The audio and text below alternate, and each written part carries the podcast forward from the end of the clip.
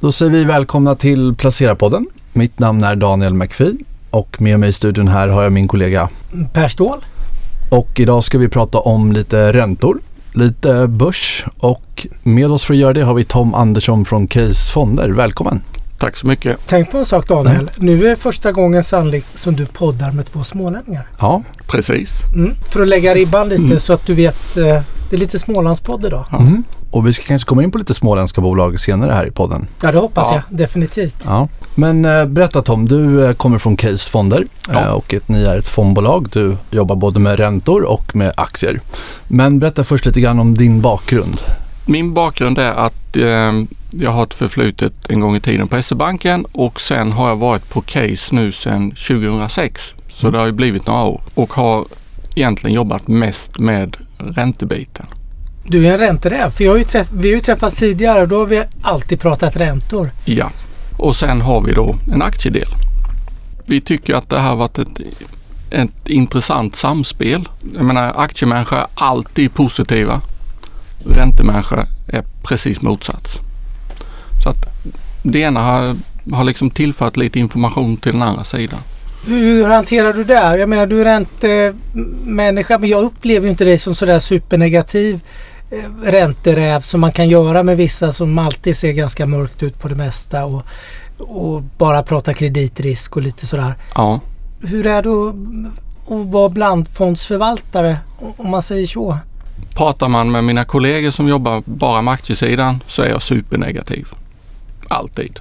Och räntemänniskorna tycker väl att kanske något mer åt det positiva hållet då. Men till syvende och sist så det blir en ganska intressant kombination med att ha bägge benen. För som sagt var uppfattningarna, jag menar räntemänniskor, vi som jobbar med räntor, vi vill ha vår kupong och sen är ju slutmålet att få tillbaka pengarna.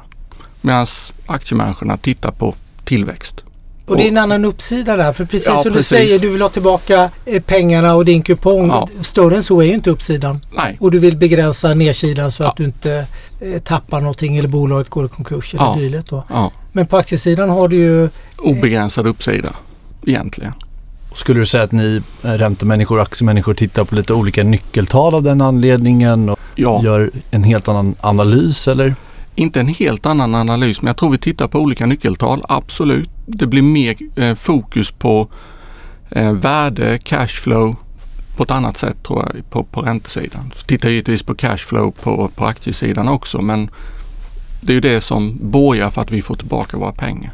Du är inne på att du säger, du säger att du har en eh, lite mer negativ syn då. Mm. Men om vi pratar om aktiesidan, vad, hur ser din investeringsfilosofi ut och vad är det för typ av bolag ni letar efter? Eh, vi, vi letar väldigt mycket efter stabila bolag. Alltså vad man kanske kan säga trista, tråkiga bolag. har ni lite värde till. eh, Om man, Ja, jag ja. tänker steget eh, lite mer Absolut. stabilt värde. Ja, stabilt värde, eh, hyfsat förutsägbara. Köper ingen, alltså om man får kalla det förhoppningsbolag.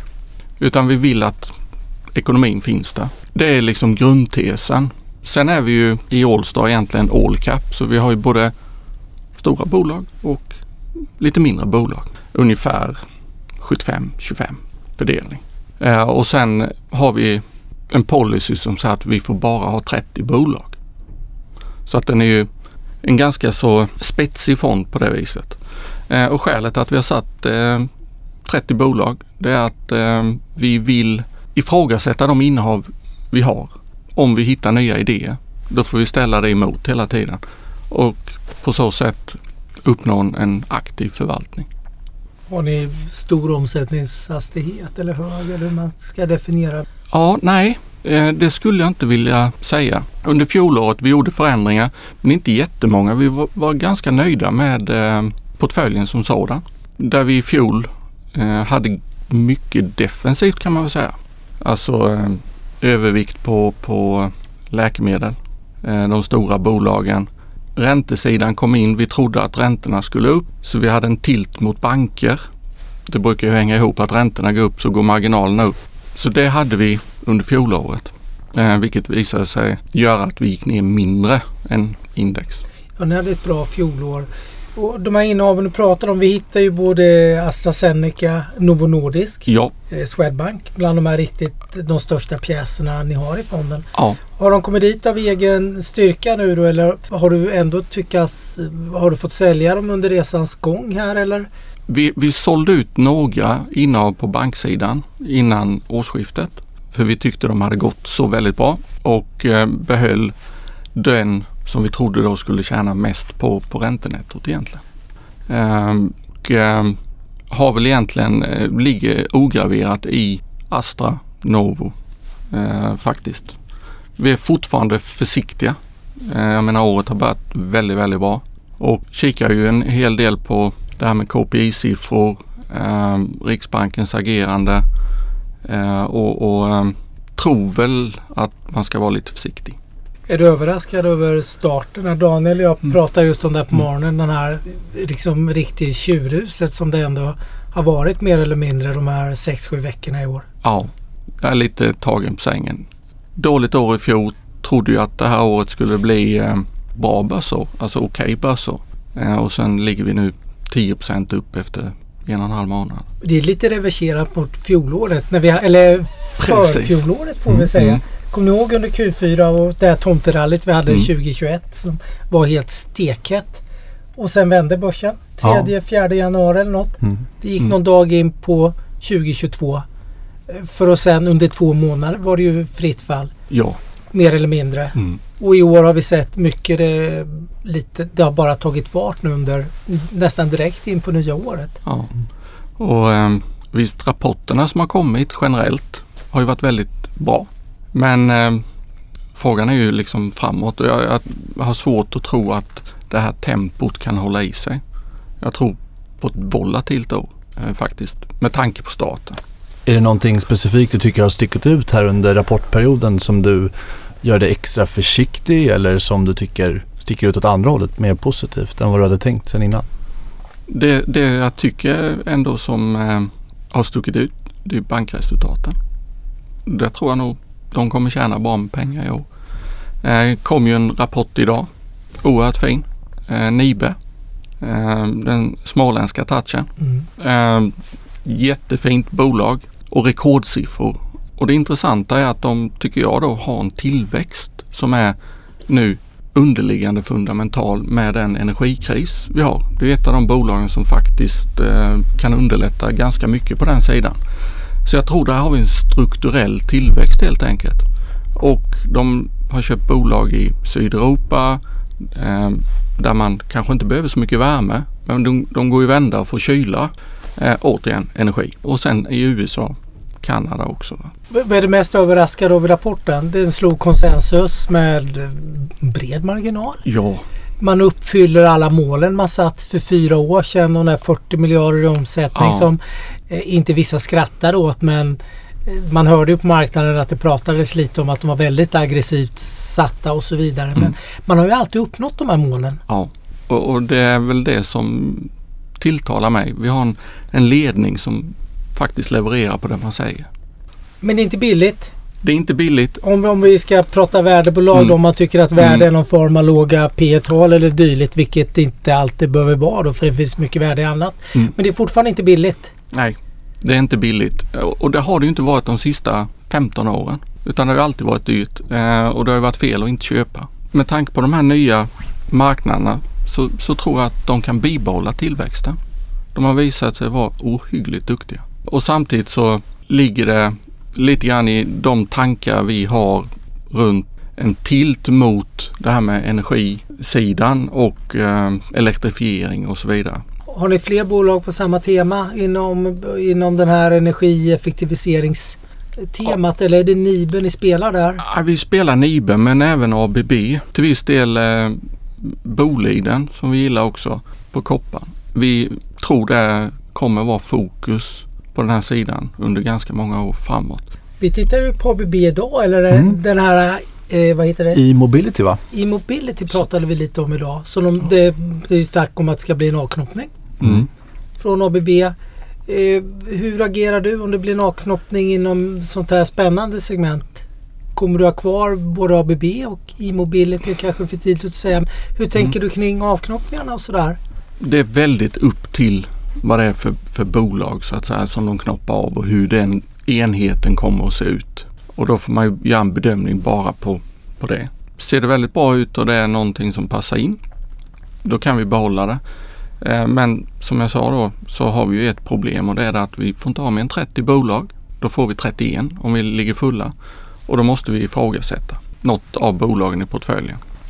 Och du är inne lite här på um, med att ni äger Nibe bland annat och lite banker och lite läkemedel, eller hälsovård, läkemedel, Astra och så. Mm. Finns det några bolag, om vi, om vi bortser från just förhoppningsbolag, men finns det några andra sektorer som ni i dagsläget undviker utifrån den syn på börsen ni har eller det klimatet vi är i idag? Ja, eh, om, om vi backar bandet till fjolåret Mm. så tog vi ett beslut att inte äga fastigheter. Och det, det beslutet var taget när vi gick in i fjolåret för vi trodde på en ränteuppgång. Och fastighetsbolagen eh, hade gått väldigt bra. Så att vi ligger fortfarande, äger vi inga fastighetsbolag. Nu börjar vi ju se att det börjar röra sig en hel del runt fastighetsbolagen med, med nyemissioner eh, och riktade. Men vi är lite försiktiga med tanke på att vi, vi tror räntorna kommer att fortsätta upp. Vad, vad ser du för någon räntetopp och vad har du för... Vad är synen? Hur, hur mycket kommer vi få se? Vi har en ny riksbankschef nu också som Ja. fick visa korten för första gången här förra veckan. Ja, och eh, lite hökaktigt får man väl ändå säga. Och det han egentligen aviserade var ytterligare höjningar. Det vi funderar på väldigt mycket kring nu, just nu på räntesidan egentligen, det är ju att vi har en negativ yieldkurva. Så att räntehöjningarna har ju så att säga slagit igenom på kortänden. Men det som var intressant som riksbankschefen sa var ju att han ska ju nu börja sälja statsobligationer. Om jag inte missminner mig så var det 3 miljarder i månaden plus 500 miljoner realränteobligationer. Och det här är ju egentligen ett omvänt QE, så kallat QT. Och vi vet ju nu, quantitative easing, vad det gjorde för räntorna. Nu ska hjulet snurra åt andra hållet. Så frågan är liksom hur den biten kommer att spela ut. Kommer det innebära att långräntan stiger så att vi får en, liksom en normal yieldkurva? Eller hur spelar det här ut? Så att därav så har vi varit lite försiktiga fortsatt. Det var ett väldigt långt svar men lite försiktiga med just fastigheter på aktiesidan också. Vad tror du skulle känna, eller få er att ändra den synen? Ni, du säger lite att ni har tittat lite på det, att det börjar hända en del. Mm. Eh, är det just att vi ser räntetoppen eller mindre hökaktighet eller från centralbankerna eller? Ja, och framförallt att inflationen kommer ner. Vad gör ni om vi pratar lite räntor? Mm. Vad, hur, hur tänker ni där? Jag menar, du pratar, ni har inga fastighetsbolag i, på aktiesidan. Nej. Fastighetsbolagen är stora emittenter på räntemarknaden. Och, Ja. Hur agerar ni där? Hur traskar ni runt där på den? Eh, vi, vi har ju valt historiskt att ligga kraftigt underviktade fastigheter.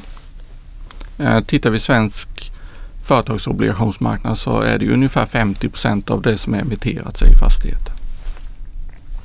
Och jag har egentligen, och det här har jag sagt tidigare, inget emot fastighetsbolag för det finns väldigt många välskötta ur liksom ränteperspektiv, skuldperspektiv. Men det som har skrämt mig under årens lopp är väl den koncentrationsrisk det innebär i marknaden. Så vi har ju valt istället att köpa mycket bankförsäkring och lägga det. Eh, Men det är klart det som hände i fjol gjorde ju att räntorna gick ju väldigt mycket upp. Eller obligationspriserna på de, de stora fastighetsbolagen gick ju ner då. Så att vi började faktiskt köpa lite i fjol. Vi tyckte det var en väldigt, väldigt bra eh, risk-reward Och då är det på sekundärmarknaden. på sekundärmarknaden. Och det vi ser då på en del av, av de här bolagen i år och i slutet på fjolåret om jag inte missminner mig var ju nyemissioner. Där ägarna stoppar in pengar eh, och man drar ner det skuld. Så att liksom det tåget är i, i rörelse. Och det, jag tror svaret på frågan där så kommer nog räntesidan ge svaret på hur vi kommer agera på, på aktiesidan just på den sektorn. Och eh, om vi pratar om just räntemarknaden, det är ju rätt svårt att få insyn som framförallt privatinvesterare i obligationsmarknaden och hur den fungerar. Det har funnits lite diskussioner kring det tidigare, att likviditeten är dålig. Hur, hur funkar den idag? Vad, vad är det för tecken vi ser, du som faktiskt sitter i marknaden? Mm. marknaden kom ju igång väldigt bra egentligen i höstas igen. Och det vi har sett hittills i år är ju att nu har ju primärmarknaden kommit igång. Och eh, har kommit ganska mycket även i Sverige nu. Eh, idag är ju ICA ute och lånar mycket pengar och det var jättestort intresse. Och det positiva är ju att det finns ju räntor idag. Alltså för oss som placerare. Och också en stor fördel tror jag i och med att korträntorna har gått upp. Det är att vill du ha avkastning så går det att parkera pengar i korta papper. Alltså riktigt korta. Men du får en avkastning.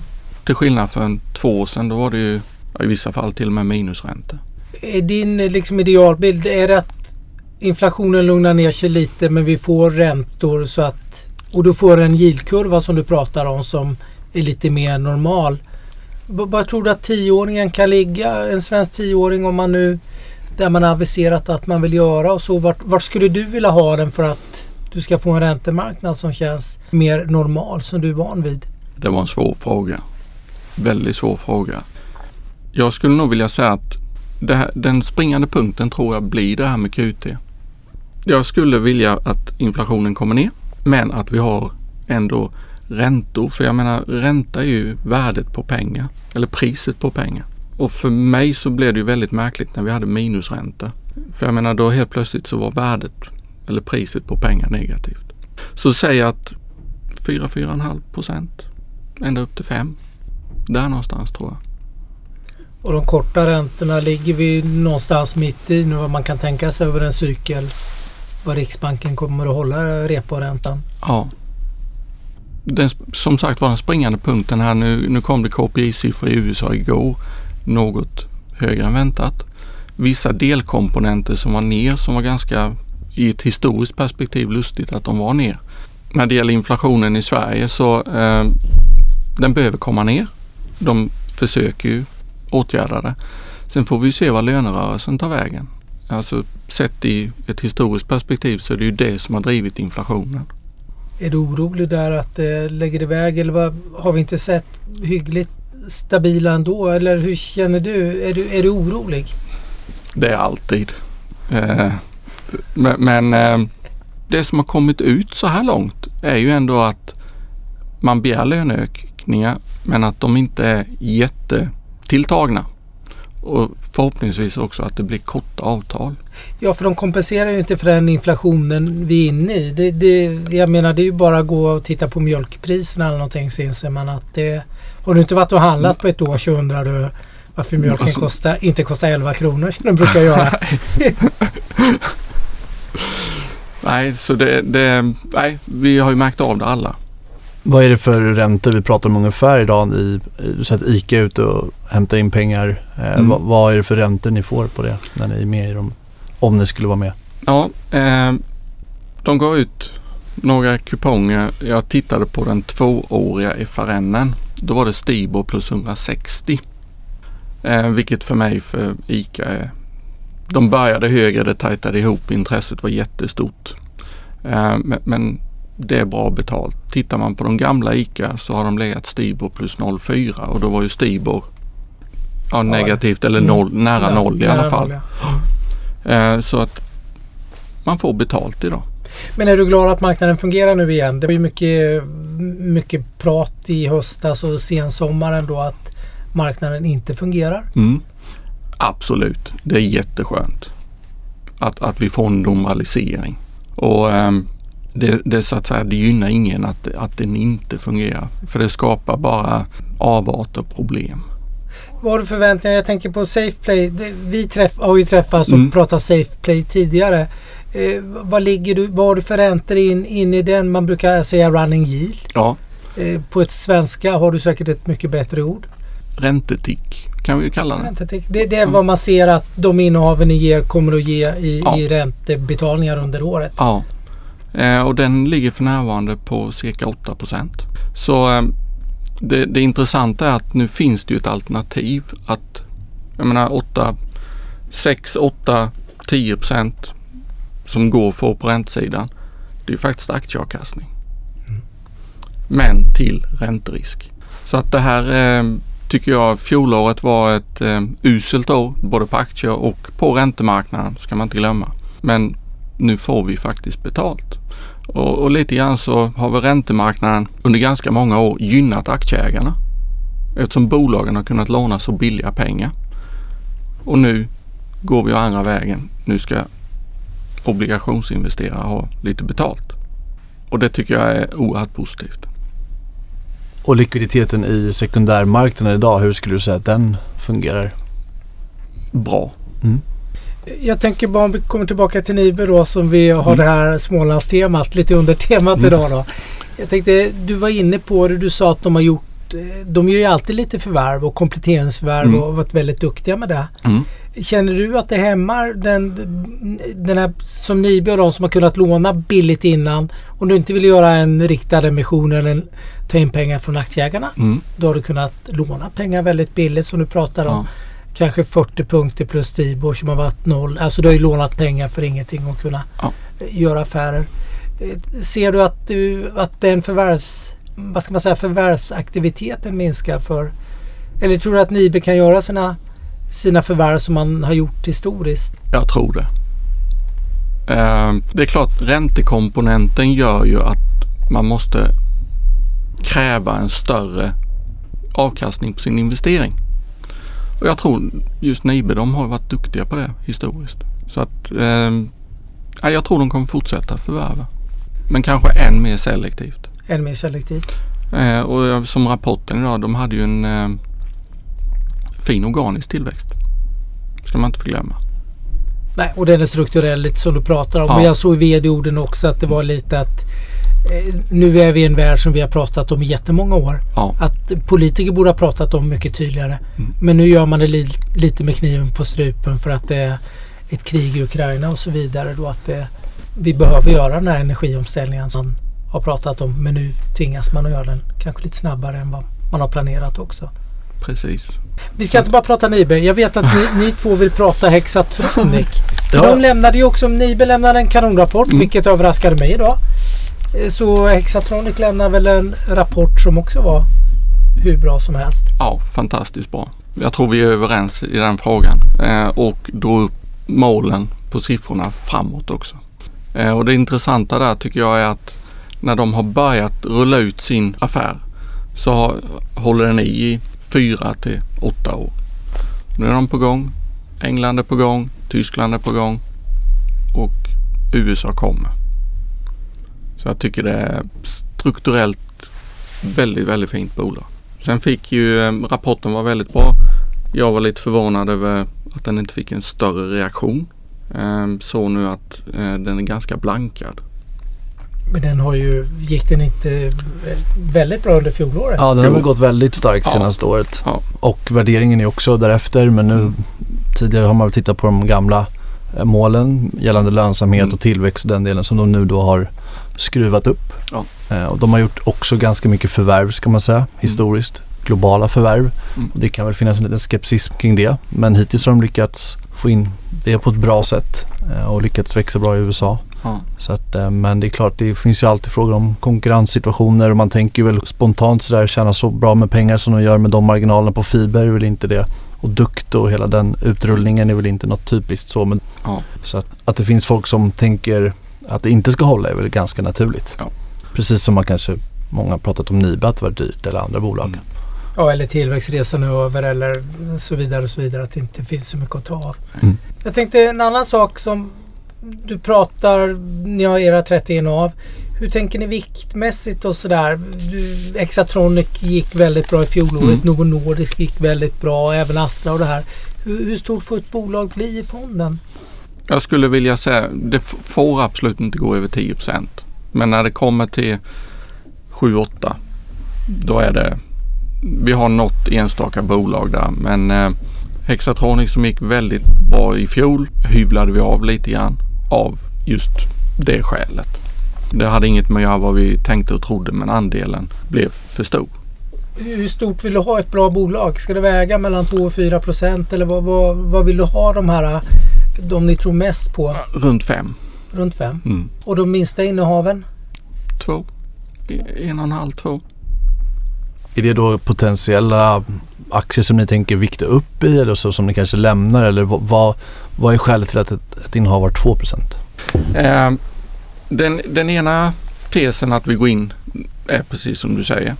Vi kan tro på det, eh, vi vill följa det och att vi sen viktar upp. I andra fall kan det vara att vi, vi är helt enkelt lite osäkra. Det finns ju historiskt sett eh, bolag som vi har haft som jag fortfarande tycker är fantastiskt fina bolag men som i fjol av olika skäl på grund av faktiskt covid råkade komma lite, inte snett ska jag inte säga, men, men de blev påverkade av sina kunder på grund av covid.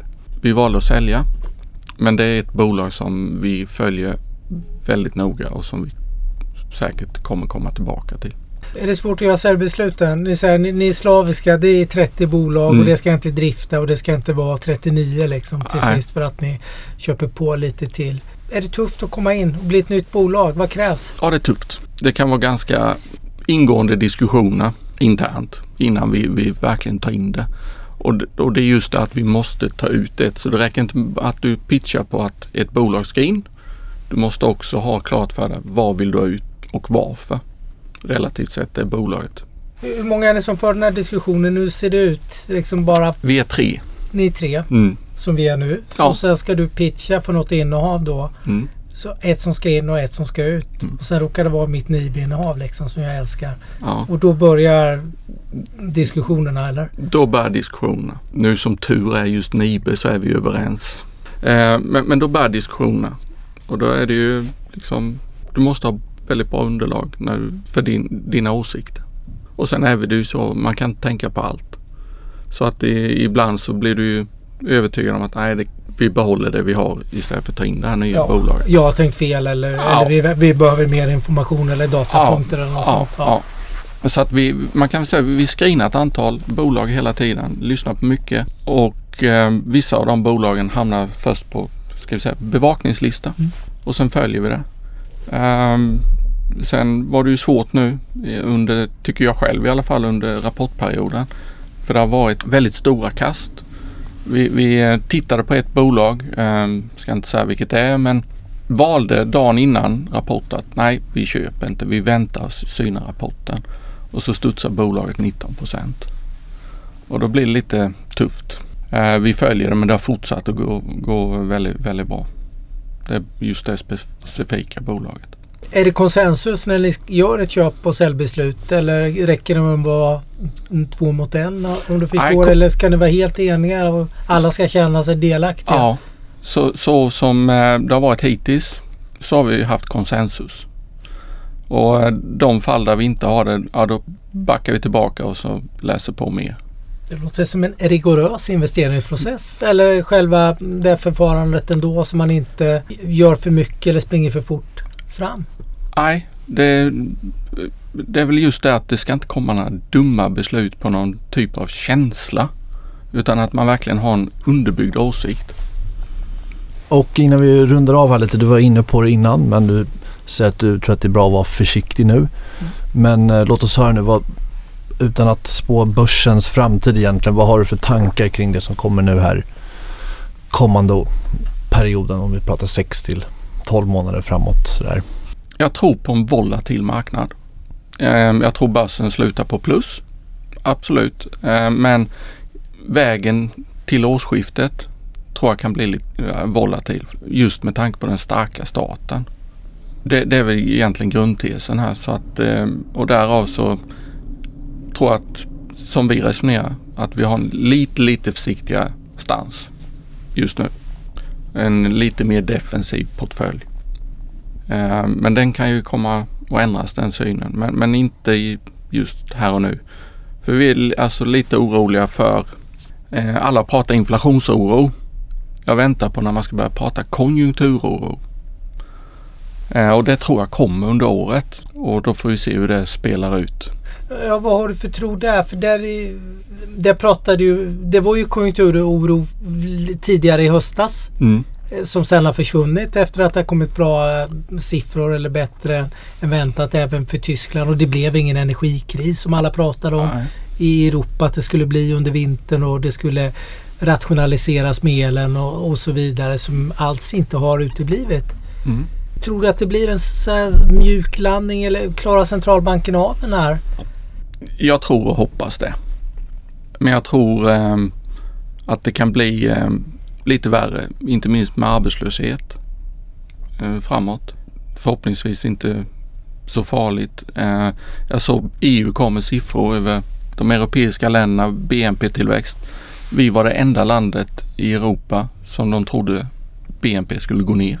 Så eh, vill nog gärna se lite eh, egentligen Q2-rapporter och sånt också. Liksom håller det här bra resultatet i sig in i Q2 eller börjar det komma framförallt uttalanden om att det ser lite, lite svårare ut framåt? Men många av de bolagen ni har i portföljen de är inte särskilt Sverigeberoende om man ska vara lite krass. Ja, förutom Swedbank helt uppenbart. Ja. Eh, men Astra, ja, eh, Novo Nordisk, vi mm. har inte mer diabetes än något annat land. Och ett litet land och så vidare. Eh, och Hexatronic har väl gjort Sverige får man väl säga. Och det, det pratade ja. UK och annat. Ja.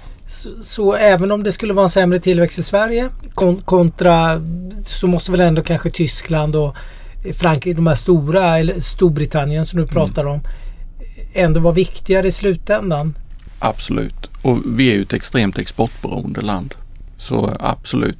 Så att man kan ju säga att vi har ju lite tilt åt det hållet. Inte så mycket som är jätteberoende av Sverige. Ja, det faller inte med att arbetslösheten skjuter i höjden eller något sånt där. Nej. Och med de orden tror jag vi tackar dig Tom för att du kom hit. Tack för att jag fick komma. Tack så mycket.